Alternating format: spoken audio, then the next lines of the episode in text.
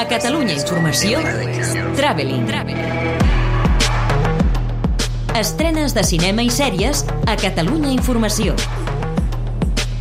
Traveling. Amb Marc Garriga. Mr. Ward, how would you like to make $50 million?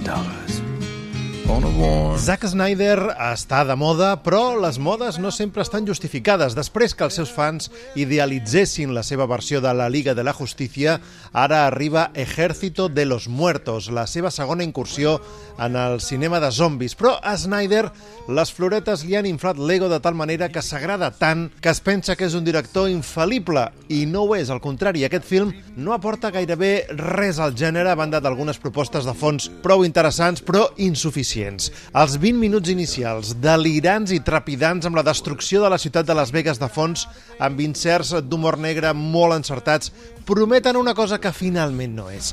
El guió és tan simple que no aguanta dues hores i mitja de metratge, ni tan sols amb el preciosisme amb què roda moltes de les escenes. La forma no guanya el fons i l'avorriment acaba imparant. L'inexpressiu Dave Bautista tampoc no ajuda i al final qui enamora és el rei dels zombis, molt més atractiu que qualsevol dels herois. Good morning. morning. That's me, Millie. Tota la mala llet i l'enginy que li manquen als zombis de Snyder la té Este cuerpo me sienta de muerte, una encantadora i nostàlgica paròdia dels slasher dels 80, el gènere on un assassí en sèrie acostumava a perseguir adolescents sense pietat ni escapatòria i que aquí es demostra com l'encert en el càsting és clau. Vince Vaughn interpreta un assassí despietat que intercanvia el seu cos amb una jove tímida i ell sol aconsegueix que aquesta comèdia de terror esdevingui un gran divertimento. Potser grinyola que un film dirigit en principi a un públic eh, ampli doncs presenti de forma tan sanguinària les morts que es van succeint, però en el fons aquesta pel·lícula és també un homenatge i si no hagués estat així no hauria estat tan digna. Ah non, non, non, je... Non, je peux plus faire l'amour avec vous, monsieur. Je, je, je le saurais, hein, quand même. Moltes altres propostes interessants inunden la cartellera aquesta setmana. La comèdia francesa Borrar el historial, Os de plata a Berlín, és una cinta intel·ligent i sarcàstica al voltant de les xarxes socials, la tecnologia punta i l'univers online en general. La iraniana Hijos del Sol, Sun Children, que ja va sorprendre el Festival de Venècia, funciona com a denúncia social sobre la situació dels infants en països complexos, com aquest. Magid Magidi, el director, compta més amb un jove intèrpret desconegut fins ara espectacular. La basca Totes les lunes és un conte fosc i profund sobre la solitud, una obra que se serveix dels vampirs per exposar la tristesa, la maternitat i l'amor impossible d'una forma molt convincent i estèticament perfecta. A més, s'estrenen el drama homosexual sexual suec Vivir sin nosotros, la cinta turca Ghosts i per fi el Valhalla Rising de Nicholas Winding Refn, el violent tractament de la religió que el danès va filmar fa 11 anys. This is a safe place. I'm agoraphobic.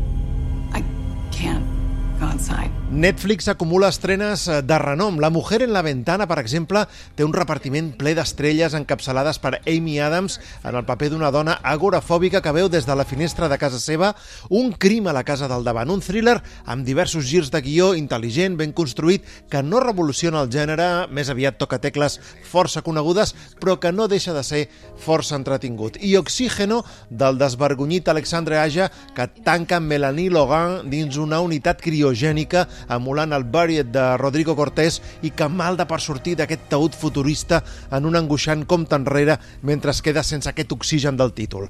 A Filmin arriba Shiva Baby, una comèdia jueva claustrofòbica sexy, i a Movistar Plus Creation Stories, la història basada en la seva autobiografia d'Alan McGee, el descobridor d'Oasis i moltes altres bandes britàniques com Primal Scream, The Jesus and Mary Chain, My Bloody Valentine o Teenage Fan Club. Esto es La Noche del Cóndor. Comenzamos. En sèries, la plataforma de Telefònica fa diana amb Reyes de la Noche, el retrat de l'Espanya dels 90 a través de la guerra radiofònica entre José María García i José Ramón de la Morena, una divertida proposta amb Javier Gutiérrez i Miqui Esparvé, apta fins i tot per als que odien l'esport.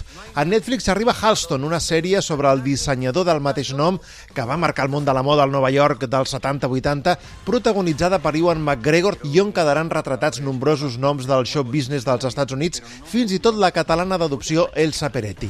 I Amazon Prime, Barry Jenkins, el director de l'oscaritzada Moonlight, estrena The Underground Railroad, un elegantíssim projecte molt personal, un ambiciós i potent drama sobre l'esclavitud al sud dels Estats Units que pot ser una de les produccions més destacades de l'any. Traveling. Estrenes de cinema i sèries a Catalunya Informació, amb Marc Garriga. Buenas noches a casi